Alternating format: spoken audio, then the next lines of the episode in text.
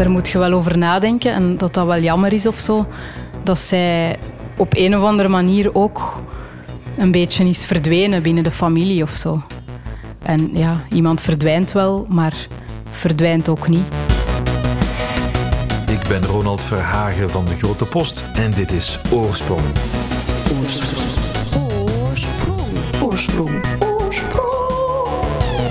Studio's en ateliers. We hebben er enkele in de Grote Post en ze worden gebruikt door residenten. Ik heb vandaag een afspraak in Atelier Plus 2. Een speciale plek, want naast een open werkruimte beschikt dat atelier over een soort mezzanine. Een klein vertrek bovenaan een trap met een bureau en een zetel en een zacht tapijt op de grond. Het is daar knus. En ik word er opgewacht door theatermaker Barbara Klaas. Dat is nu de tweede keer dat ik hier zit en voor mij is dat eigenlijk de start hier van een nieuw werk. Dus dat heeft zoiets heel symbolisch. Hier kunnen werken aan de zee. Barbara was al eens te gast bij ons om te werken aan Honey I'm Real, I Exist. Een persoonlijke voorstelling over liefde en grenzen. Haar man uit India raakte België niet in. De voorstelling waar ze nu aan werkt is opnieuw een persoonlijk verhaal. Op een of andere manier sluipt de biografie meer en meer in mijn werk, ook in dat van mijn zus Stefanie. Stefanie werkt aan een voorstelling over mijn grootmoeder, die in een concentratiekamp heeft gezeten. Dus dat is een stuk familiegeschiedenis. En vorig jaar maakten wij de, het, het idee om een voorstelling te maken over onze zus die stierf. 30 jaar, ondertussen 31 jaar geleden. Dus wij zijn een beetje zo familiehistorisch van onder het stof aan het halen. En om die mee te pakken naar theater. Eentje van ons nest had bruine ogen, zwarte haar. Wij hebben haar als zus bij ons gehad voor zeven jaar. De juf van de kleuterklas zei Katrien was zo'n lief kind. Jullie zusje moest altijd lachen, ze was heel vaak goed gezind. Maar ze zat, dat zei de juf, vaak heel dicht tegen het papier. Gebogen als een bloempje naar de grond, dat kind van vier. En mijn zus is gestorven aan een hersentumor. En dat was een heel lang ziekteproces.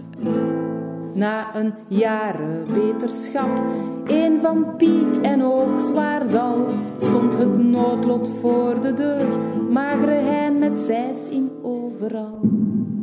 In die tijd van, ja, dat, dat was in 91 dat zij stierf, werd er allemaal niet zoveel aandacht aan gegeven. En, en, en daar werd niet bij stilgestaan en het leven ging voort. En ondertussen zijt je ineens 30 jaar later en beseft je, ah, we hebben in 30 jaar nooit gesproken over wat er gebeurd is binnen de familie. Wij plakken al de jaren alle feiten aan elkaar, want niemand die vertelde wat exact gebeurde daar.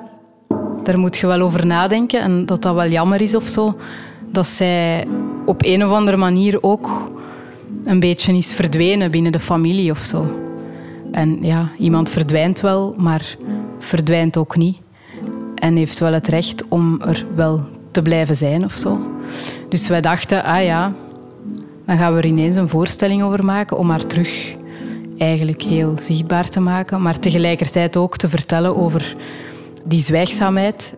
Nadat ze was opgerold en verlost van haar zijn, ging ieder in de familie een andere kant op met zijn pijn. Vader buiten Westen, moeder als ridder in het harnas, ons oudste zussen, het huis uit. Niemand wist wat troosten was. Ik denk dat dat iets is dat uh, in vele families voorkomt of is voorgekomen. Allee, dat valt mij toch op als ik met mensen babbel. En dat dat ook iets is van die sfeer van toen, jaren, jaren 90, ja, waar het allemaal niet zo veel aandacht werd gegeven aan die dingen. Nu zullen wij doorbreken wat wij nooit hebben gedaan. Dat is de troost aannemen die wij hebben afgestaan. En om dit te accepteren van de wereld en van u, willen we het eerst aan elkaar geven en dat is nu. Want zonder troost nog arm, nog pilaar, krijg geen hond, nog kat, nog mens het rouwen voor elkaar. Katrien Klaas stierf meer dan 30 jaar geleden. Toch is het niet zo dat deze voorstelling er al lang zat aan te komen. dat moment kwam eigenlijk heel plots.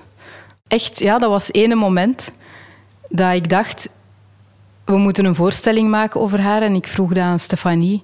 En zij zei direct ja. Ik denk dat dat een jaar geleden is ongeveer. En toen is die een bal zo heel stilletjes aan aan het rollen gegaan. Zo het idee, ah ja, en wat is dat dan als we een voorstelling maken over haar? En daarvoor hebben we daar eigenlijk nooit aan gedacht. Maar wel thematieken die in ons werk komen, die te maken hebben met familie en, en, en het kind. En, maar nu is het ineens wel heel dichtbij. Dus ik denk onbewust dat dat misschien wel al aan het groeien was of zo. Sowieso is het thema dood heel aanwezig in het werk van Barbara en haar tweelingzus. Ze maakte al voorstellingen over een gezinsdrama, euthanasie en de dood van een instellingskind. En Stefanie werkt nu dus aan Ravensbrück over een concentratiekamp. Veel verderf. Ja, ja klopt. Ik weet niet altijd hoe dat, dat komt, maar uh, dat, uh, ja, dat is wel altijd heel aanwezig. Maar ik vind het wel heel belangrijk om naast die donkerte of zo,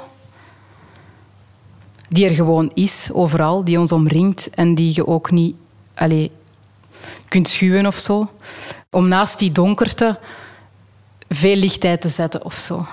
Maar dat is dan in hoe dat je het vertaalt of hoe dat je het brengt. Of, ja. Over de vorm dus.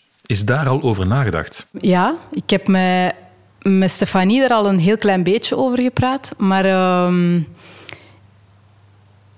ik begin te schrijven. Dus alles gaat eerst vertrekken vanuit tekst. Dus de, de, de vorm is in de eerste plaats de, de tekst.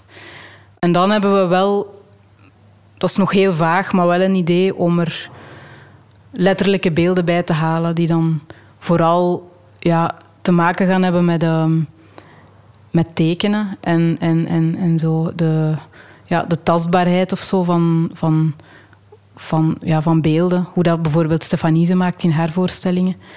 En om de, de, de vorm van de, de taal en beelden uh, bij elkaar te brengen. En ja, het is misschien ook wel belangrijk om te zeggen dat... Uh, ik ga dus een tekst schrijven, maar de bedoeling is om de tekst integraal te zingen. Dus dat is wel een heel bepalende vormkeuze. En dat is wel heel bewust of zo, omdat ja, muziek is sowieso altijd aanwezig in, in mijn werk. In mijn vorige voorstelling, Honey I'm Real, I Exist, heb ik veel te lang gepraat, twee uur op het scène, uh, bijna zonder te zingen. Dus het is ook een beetje een tegenreactie, enerzijds. Maar langs de andere kant heb ik ook gemerkt dat de dingen zingen, zeker als, uh, als het over moeilijke onderwerpen gaat of zo, dat die gemakkelijker of heel anders binnenkomen. Dus dit gaat een zoektocht worden om, om al een tekst te zingen. Inge, met mij gaat het goed. Ben jij al wat beter? Ik heb niet veel nieuws. Daarom schrijf ik weinig. Morgen komt Sinterklaas. Ik vind het zo spijtig dat ik er niet bij hen, helaas. Hey, Inge, de juffrouw haar kousen waren gescheurd. En Anne gaf haar spreekbeurt over de treinen. En Cindy over de koekoek. En Ingrid had geplast in haar broek. Mama gaf de cassette van Bart KL. Ik heb ze al zeker honderd keer opgezet. Tot kijk, tot volgende keer. Dan schrijf ik meer, Katrien. Donkerte en lichtheid. Gezongen post van Katrien. Nu Barbara en Stefanie het vaak over hun overleden zus hebben, blijkt dan dat ze dezelfde herinneringen hebben aan haar of toch andere? Het valt op dat wij alle twee heel andere herinneringen hebben. Of ja, geen heel andere herinneringen, maar, maar andere details. Zij herinnert daar details die dat ik helemaal niet meer weet. En soms doordat zij ze zegt, herinner ik mij ze terug. Of denk ik dat ik ze mij terug herinner. Dat weet ik zelfs niet, maar dat, dat, maakt ook niet uit. En bij mij is dat ook zo. Dus uh, ja, ik denk dat we daarin nog veel meer van elkaar kunnen te weten komen eigenlijk. Katrien stierf toen ze twaalf was. Barbara en Stefanie waren op dat moment negen jaar. Er zijn ook nog twee oudere zussen, Elisabeth en Sylvia. Zij waren 18 en 16 toen het gebeurde. En hebben dat dus ongetwijfeld nog anders beleefd. Worden zij ook betrokken bij het maakproces? Ja, ik ga zeker met hen praten. Al is dat ehm, een hele grote stap, omdat wij dat nooit hebben gedaan. Dus het feit dat dit nu publiek wordt en dat we daar een publieke voorstelling van gaan maken, is heel, heel spannend. Omdat als je daar zo lang niet over praat binnen je familie en dan ineens wordt dat publiek, ja, dat is heel spannend. Want ik ben ook wel heel benieuwd hoe dat, dat voor hun is en wat zij zich herinneren of wat zij daarover willen zeggen en wat niet. En ik doe dat ook met de nodige voorzichtigheid, zoals dat ik dat ook bij mijn moeder doe.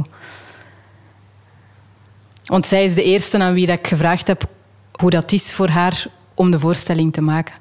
Omdat zij toch wel een soort van ja-woord moet geven of zo. Het gaat over haar dochter, dus ehm, ja. En ging ze akkoord? Ja. Zij vindt het heel spannend, maar ze, zij, is, uh, zij, is, zij is wel akkoord. Omdat ze... Ze kent ons natuurlijk in, in het werk dat wij doen. En ik denk dat ze daarmee wel een vertrouwen geeft in dat wij daar op een goede manier mee zullen omgaan. En ik denk dat het toch ook wel, ondanks de moeilijkheid of zo, haar ook iets kan geven van terug daarover te praten en, en, en, en dat toch wel een beetje op een goede manier bespreekbaar te maken en terug naar boven te halen of zo. In een dorp, daar stond een huis. Een huis met kamers apart, nog meer dan die van een hart. In het hart daar pompte het bloed, door de aders van een gezin, een doodgewoon gezin. Aan de tafel zat dat gezin, tussen stoof, vlees en witloof, kasrol en een afwasmachine. Het gezin bestond uit de kin, deuren, de ouders, een hond, een parkiet op de achtergrond. En de parkiet, zijn naam was Piet. Ik neem nu één jaar om te schrijven en om, om voor te bereiden. Maar ja, mijn voorbereiden, dat houdt voor mij ook in om met mensen te gaan babbelen. Om, ik volg bijvoorbeeld uh, zeven dagen een soort uh, opleiding rond rouw in Boutersem verbinding in verlies. Ik ga ook mij een beetje verdiepen in familieopstellingen en zo de, de, de, ja, ik noem dat de therapeutische kant of zo. Maar die is heel voedend voor te, voor te kunnen schrijven. Dus ik neem daar nu eerst een jaar voor. En dan het uh, volgend jaar dan zouden we echt samen de voorstelling gaan maken. Dus we gaan er twee jaar voor nemen. Dat klinkt nog wel lang, twee jaar. Maar langs de andere kant gaat dat ook heel snel soms. Maar ik plan wel om tussendoor een paar toonmomenten te doen. Bijvoorbeeld, wij hebben in, in het Giselin in Gent starten wij onze atelierruimte met Lucinda Ra. En daar plannen wij ook een aantal avonden te organiseren om werk te tonen. En ik zou ook graag bijvoorbeeld een avond organiseren. En dat kan bijvoorbeeld een lezing zijn een tussendoorse lezing. En daarop ook bijvoorbeeld iemand uitnodigen die met onderwerp te maken heeft. Dus dat, dat zou ik eigenlijk graag enkele keren willen doen.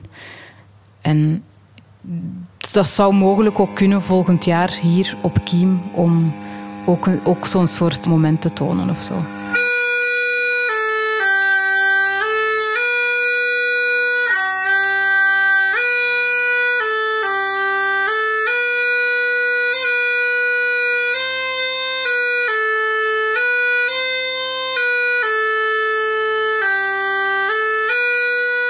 Ik zei al dat we dit gesprek hebben in de mezzanine van Atelier Plus 2, met het gezellige tapijt. Er ligt een aantal voorwerpen op het tapijt waar ik nog niets over heb gezegd.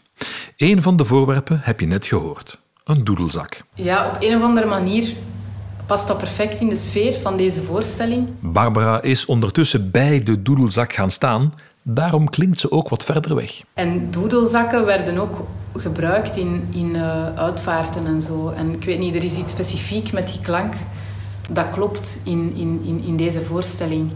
Het is natuurlijk ook heel theatraal, zo die, die zak met die pijpen en allee, de associaties met een orgel. En, en ja, ja, dat klopt gewoon.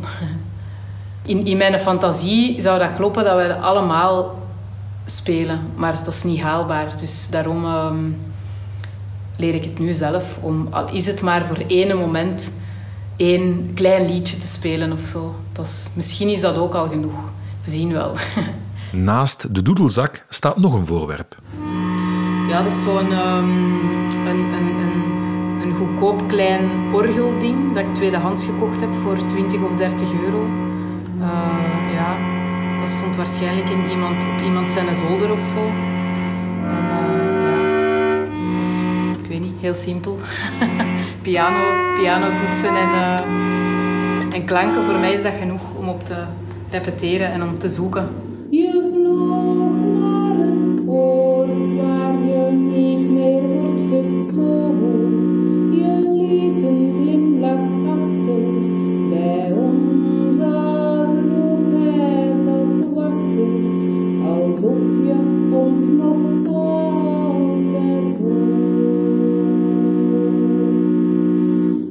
Barbara heeft een rijke fantasie.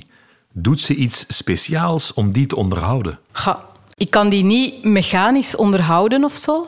Maar uh, ik, ik kan die wel oproepen door gelegenheden te maken, zoals nu, om te schrijven en om een keuze te maken. Ik ga daar een stuk over schrijven. En dan eens dat ik zo de vrijheid heb in mijn hoofd om, uh, om alles te kunnen fantaseren, hoe dat die er zou kunnen uitzien, dan begint die fantasie te, te gaan of zo. Ja, en dan is dat gewoon wel wel heel plezant dat dat kan. Of dat dan nu goed is of slecht, dat maakt niet uit. Dus, dus gelegenheden zoals nu, zoals residenties, helpen wel om zo de fantasie terug op te roepen elke keer. Want soms is die weg, allez, of soms is die gewoon even heel saai. En dan met momenten komt die even terug. En dat heeft bij mij altijd te maken met een gelegenheid. Ofwel mensen of situaties of zo. De laatste vraag in oorsprong is stevast dezelfde. En Barbara mag nu teruggaan naar een situatie. Wat is haar vroegste herinnering? Ja, ik, ik, uh, ik kan het niet concreet zeggen of in een moment, maar wel eerder in een sfeer of zo. Ik herinner mij de kamer waarin dat ik sliep toen dat ik heel klein was. En ik heb daar ook een herinnering aan hoe erg dat ik het vond om heel vroeg te moeten gaan slapen als het nog licht was buiten. ik denk dat dat zo een beetje een, een heel vroege herinnering is, omdat ik dat ook link met, uh, ja, met echt heel klein zijn of zo. Ik vond dat echt verschrikkelijk om al te moeten gaan slapen als het nog licht is en iedereen is nog wakker. De moeder van het gezin deed de opvoeding, plas en de kuis. En de vader was vaker van huis. Van huis voor zaken diners. Want de baas van het fabriek achterin was de vader van het gezin. Een van de dochters werd ziek, een lange griep en het ging bergaf, samen met de meubelfabriek. Maar eerst was het aan Piet, die stierf op de achtergrond, het fabriek samen met de parkiet, ging dood, gewoon failliet. Dit was Oorsprong met theatermaker Barbara Klaas. Opname, stem en montage Ronald Verhagen. Compositie van de tune Sam Seruis.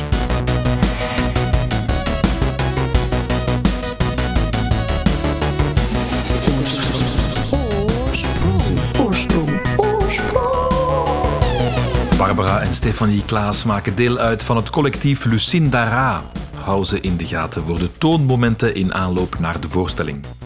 En hou ook deze podcast in de gaten, want na nieuwjaar gaat Oorsprong vlotjes door met theatermaker Maxime Storms. Ik vind het altijd moeilijk om, om er woorden aan te geven he, van wat ik doe. En toch maken we een podcast met hem over zijn nieuwe voorstelling Nuggets. Waarover gaat Nuggets? Dat is altijd de vraag, he. ook de vraag dat ik mezelf stel. He.